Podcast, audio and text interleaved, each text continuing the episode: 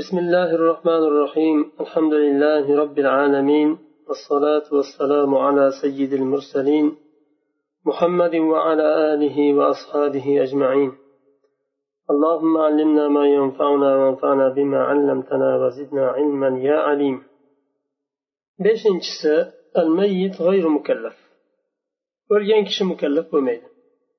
تنبه كل إنسان حي ممن تقدم ذكرهم ممن قلنا إنهم غير مكلفين لا يمنع عدم تكليفهم أن تثبت لهم الحقوق من ميراث أو وصية أو عطية أو نفقة أو غير ذلك ولا يمنع أن تثبت عليهم الحقوق كضمان ما أتلفوه والإنفاق على القريب المستحق وغير ذلك. تنبيه بريات الشيخ هل ترك بوغان إنسان يقارد الذكر ويتكن g'oyrimukallaf deb aytganlarimiz ya'ni yosh go'daklar bo'lsin yo aqlsizlar bo'lsin bular ular mukallaf emas. G'oyrimukallaf deganimiz ularni ustida ba'zi bir haq sobit bo'lishini man qilmaydi. Meros. G'oyrimukallaf bo'lsa ham meros oladi. Vasiyat qilingan bo'lsa ularni ustiga bir narsa oladi. Atiya hadiyaga o'xshagan nafaqa ularga nafaqa qilishlik vojib bo'lsa agar qilinadi va ulardan boshqa. Va ularni ustida ham huquqlar boshqalarni haqlari ham sobit bo'ladi. Buni man qilmaydi g'oyir mukallaf bo'lishligi. Masalan bir narsani itlof qilib qo'ysa buzib qo'ysa sindirib qo'ysa uni domon uni haqqini to'lash kerak bo'ladi. G'oyir mukallaf agar bir narsani sindirib qo'ysa shuni haqqini to'laydi yoyinki agar uni moli bor infoq qilishlik vojib bo'lgan bir mustahiq bo'lgan yaqinlari bo'lsa ularni haqqini valisi olib beradi va shulardan boshqa وهذا لأن ثبوت هذه الحقوق هو من خطاب الوضع bu haqlarni sobit bo'lishi vodai xitoblardan bu taklifiy xitobga kirmaydi taklifiy xitob bor vodai خطاب بار إذ هي من باب تعليق المسببات بأسبابها. بو سبب لارنا مسبب لاربنا مسبب لارنا سبب لاربنا باغلاش بابدان دربو لا من خطاب من باب خطاب التكليف. تكليف بابدان مسبب oltinchisi أهل الآخرة. سواء أهل الجنة أو أهل النار هم غير مكلفين لأنهم جميعا يؤمنون. إيمانهم إيمان اضطراري لا يقدم ولا يؤخر. وقيل يكلف من مات طفلا أو مجنونا أو لم تبلغ الدعوة في عرصات القيامة. آخرة أهل يعني بدن دا بدن دا أتكان. وفتقيا كشلار. جنة أهل لربسن جهنم أهل لربسن أولا g'oyri mukallaf endi. Qiyomatda masalan qiyomatda hech kim mukallaf bo'lmaydi u yerda. Qiyomat qoyim bo'lganda insonlar qayta tirilganda mukallaf bo'lmaydi hech kim. Nima uchun? Qiyomat kunida hammasi iymon keltiradi. Ittiroriy iymon bo'ladi u. Iymonlari majburiy iymon. Iymon keltirmaydigan odam topilmaydi u kunda. Chunki hamma narsani ko'zi bilan ko'radi. Qayta tirilishligini o'zi ularga ko'rsatadi demak oxirat haq ekan. Bu kunda endi iymonni foydasi bo'lmaydi. Va bir qovulda go'dak holida yosh holida o'lib ketgan balog'at yetmay yo majnun bo'lib o'lib ketganlar masalan bir umr majnun bo'lib o'tgan g'oyri mukallaf bo'lgan o'tib ketgan o'lib ketgan. Yoinki bir tog'u toshlarda yashagan cho'llarda bir yerlarda yashagan da'vat yetib bormagan. Ular qiyomat kunida mukallaf qilinadi. Sababi bu dunyoda mukallaf bo'lmasdan o'tib ketganlari uchun. Bu ham haligi kesin bir oyatdan hadisdan dalil yo'q lekin bu ham ishtihodiy e, nima? Fikr bu ham.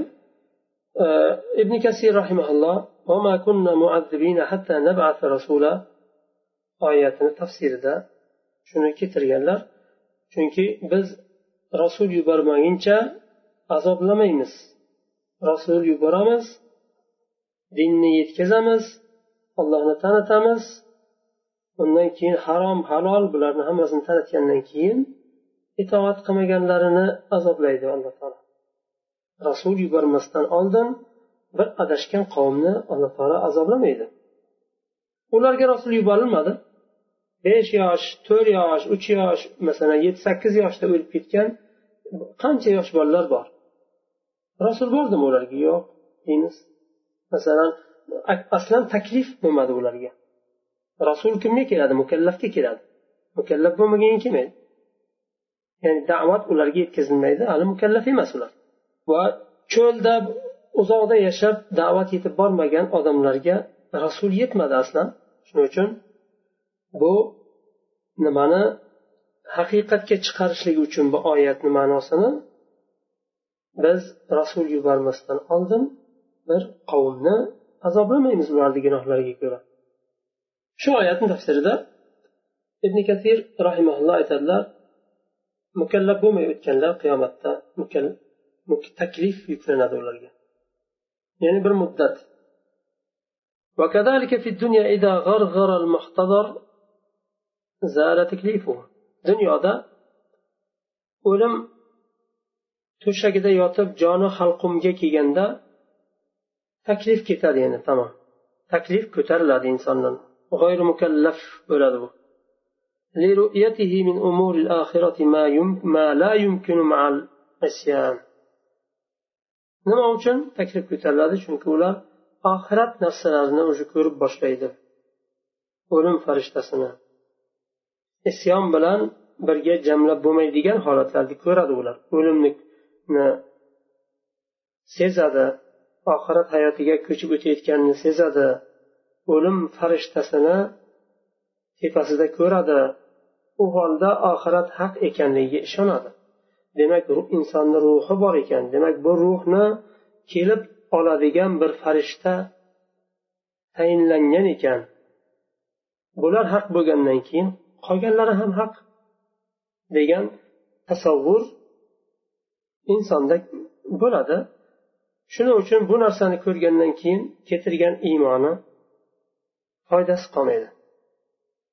Alloh taolo fir'avnni hikoyasida shunday deydi qur'onda.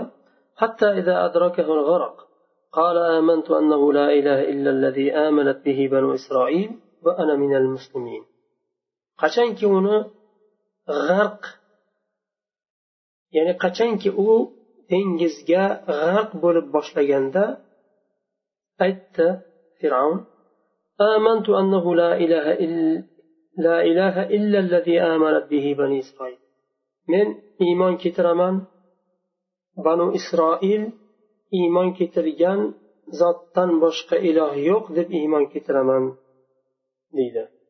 Qachon? Qachonki o'lim aniq bo'lganda bo'lganda.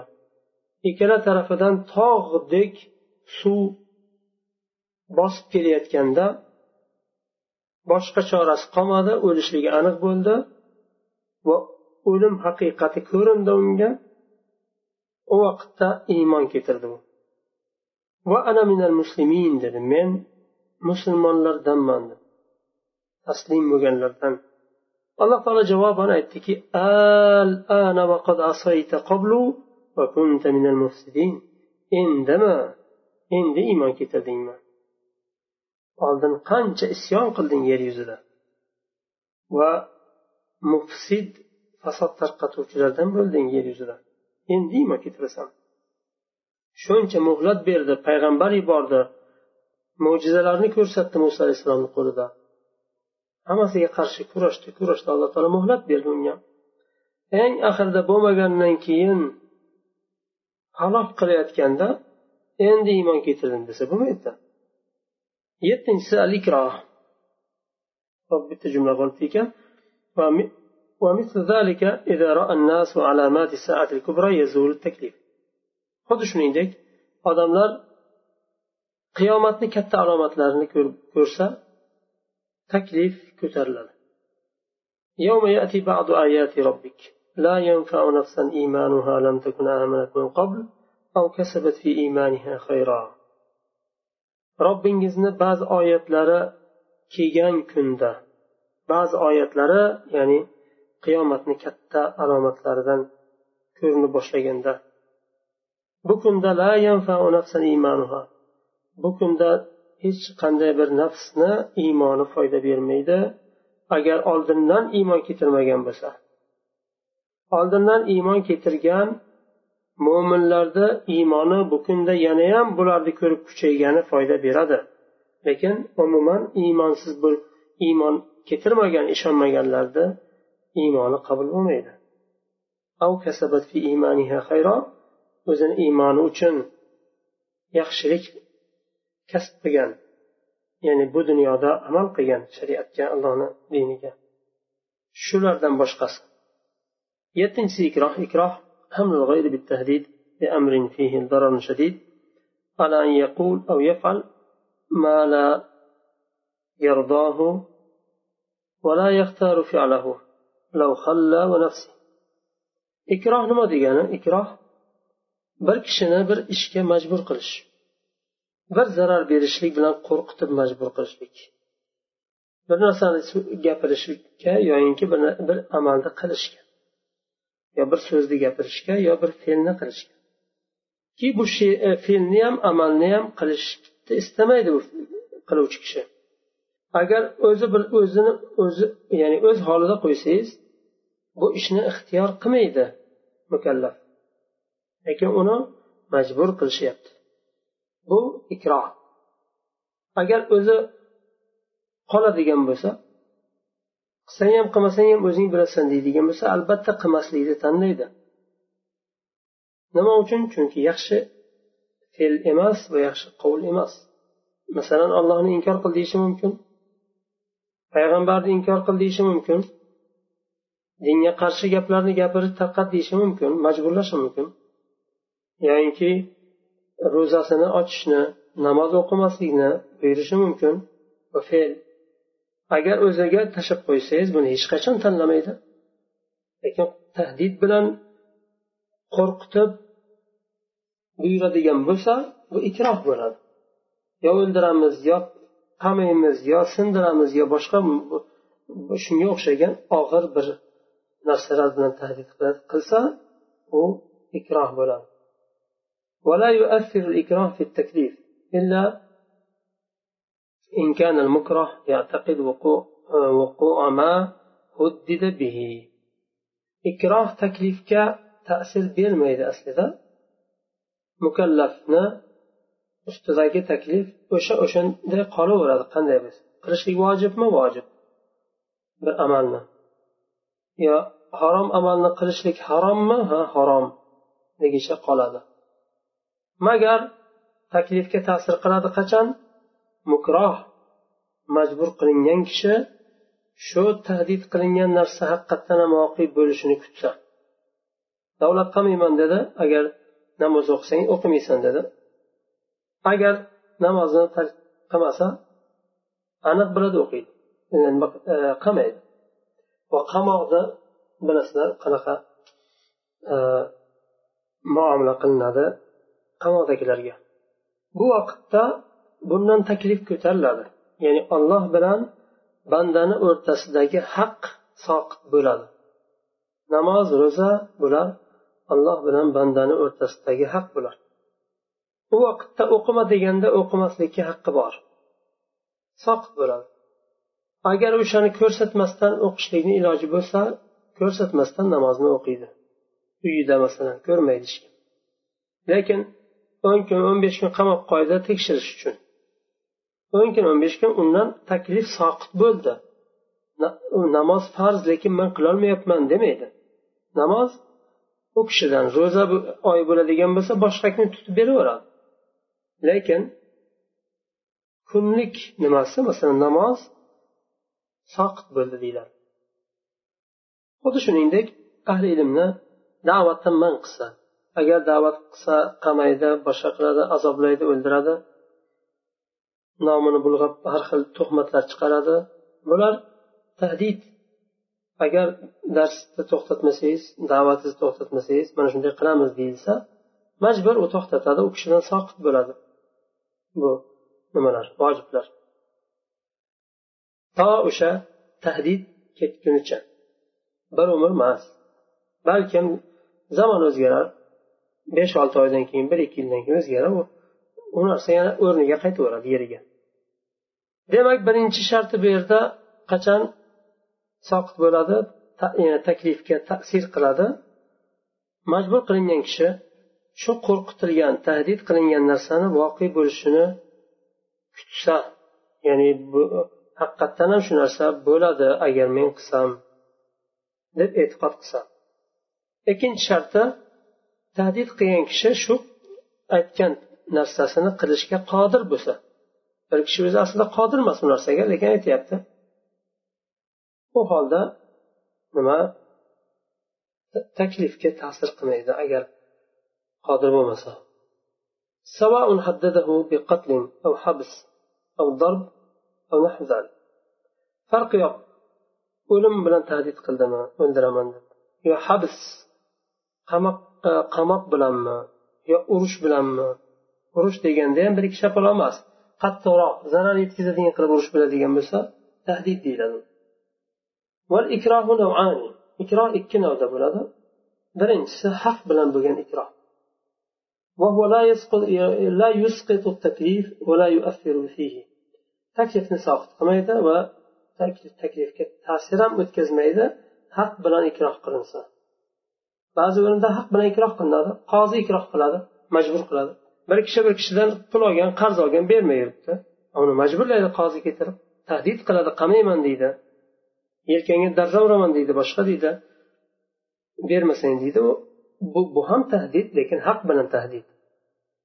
Ho'p bu ham tahdid bo'lsa taklifga ta'sir qiladimi desa yo'q deymiz. Bir kishini molini tortib oldi bermayapti. Berishga qozi majbur qiladi. Bermasa muhlat beradi. Bir kun yo ikki kun egasiga aytib qaytarib bermasa hamma olgan narsasini qamashdi va jazolashni va bilan tahdid qiladi qozi. Bu tahdid haq bilan bo'lgan tahdid فلو أكره على أن يوفي الدين الذي امتنع من أداء من أدائه فعل صح الوفاء bir kishidan qarzi bor edi bermayman dedi qozi uni tahdid qildi qamash bilan yo jazolash bilan tahdiddan keyin bu kishi qarzini qaytarib berdi vafo sahih bo'ladimi bu o'rinda desa ha sahih bo'ladi chunki muhim bo'lgan narsa haqdorni haqqini yeriga qaytarishlik. Uni niyati va ixlosi qiziqtirmaydi. Bu yerda boshqasi boshqa bir musulmonni haqqi bor. O'sha haqni egasiga qaytarish edi qaytarildi. Agar o'zi xohishi bilan qaytaradigan bo'lsa bu vafo bo'ladi. Qarzga qaytarishlikka bo'lgan bu insonni vafosi edi. majburlab qaytarilsa ham vafo sodir bo'ldi ya'ni vafo derkan haligi shu haqni egasiga qaytarish nazarda tutilyapti وكذا لو أكره على بيع ماله لوقاء دينه فباعه صح البيع والوفاء shuningdek uni qarzini qaytarishga moli yo'q edi lekin uni bir aqori bor Arsasi bor ya'ni uyi bor yo yeri bor shuni sotib qarzini qaytarishga qozi majbur qildi. Bu holda ikkita narsa bu yerda so'ralinadi. Birinchisi savdo sotgan majbur majburlangandan keyin sotyapti. Qozi uni majburlayapti sotishga sotasan shuni. Sotmayman desa ham. Savdo sahih bo'ladimi? Ikkinchisi vafo sahih bo'ladimi? ikkalasi ham sahih bo'ladi chunki insonni haqqi bor u haqni egasiga qaytarish uchun qozi majbur qilyapti uni haq bilan ikroh qilish bu ولو أكره المرتد على الرجوع إلى الإسلام صح رجوعه ظاهرا ولو أكره من آل من زوجته عند نهاية المدة على أن يطلق أو يفي فطلق صح طلاقه ووقع. ولو أكره على إيتاء الزكاة التي منع منعها آه، فآتاها مكرها صحت واعتبرت زكاة وأجزأت عنه. إسلام لن أظن جاهلية وقت إلى باردة. إلى و آه، بركش خاطنك يقن لشمس لك قسم ba'zilar muddat qo'yib qasam ichishi mumkin. Bir oy ikki oy deb ba'zilar muddat bir yil ikki yil deb qasam ichishi mumkin. Ba'zilar bir umrga qasam ichishi ham mumkin. Yaqin bormayman deb. Ular shu ba'zi ayollarni yoqtirmasa yomon ko'rsa ilo qilardi ya'ni qasam ichardi yaqinlashmayman deb va ular boshqa kishiga chiqib ketishini ham istamasdi boshqa erkakka. Shuning uchun ayollarga azob qolaverardi buni islom keldida agar iroq ya'ni yaqinlashmayman deb qasam ichsa shu qasamga bir muddat qo'ydi to'rt oy muddat qo'ydi. To'rt oyni ichida qasamidan qaytsa u oilasi bo'lib qolaveradi. Agar qaytmasa bu o'z o'zidan taloq tushadi taloq qo'ymagan bo'lsa ham taloq tushadi va o'rtasi ajraladi. Ayol bilan. Shuni aytilyapti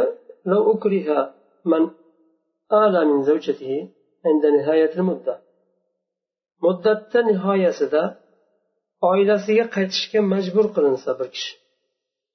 Muddatni nihoyasi ya'ni to'rt oy alloh taolo muhlat berdi. To'rtinchi oyda oxirida majbur qilishdi uni qarindoshlari qaytasan deb.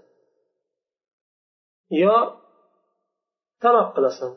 Yo qaytasan yo taloq qilasan. Yo qarindoshlari yo uni qozi majburlaydi. Buni taloqi ham sahiy bo'ladi.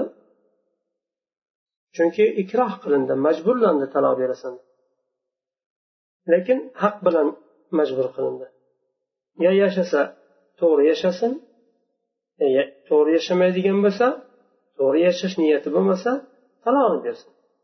Zulm qilib ushlab turishlik u bir kishini nikohida lekin u e, ersiz o'tiradi. Bo'lmaydi. Shuning uchun majbur qozi uni majburlab talog'ini olib beradi. Zakotga qodir bo'lgan zakot berishga qodir bo'lgan boy kishiga zakot berishlik majbur qilinsa bu ham haligi haq bilan bo'lgan ikroh bo'ladi va zakoti ado bo'ladi. Ya'ni zimmasidan zakot bergan boyni zimmasidan zakot soqit bo'ladi agar uni majburlab olib berishsa ham o'zini ixtiyori bilan bermadi savobi ajri bo'lmaydi uni lekin yelkasidan farz soqit bo'ladi ho'p shu yerda to'xtaymiz ikkinchi qismi bor ikrohni kelasi darsda inshaalloh davom etamiz chunki biroz uzun u سبحانك اللهم وبحمدك أشهد أن لا إله إلا أنت أستغفرك وأتوب إليك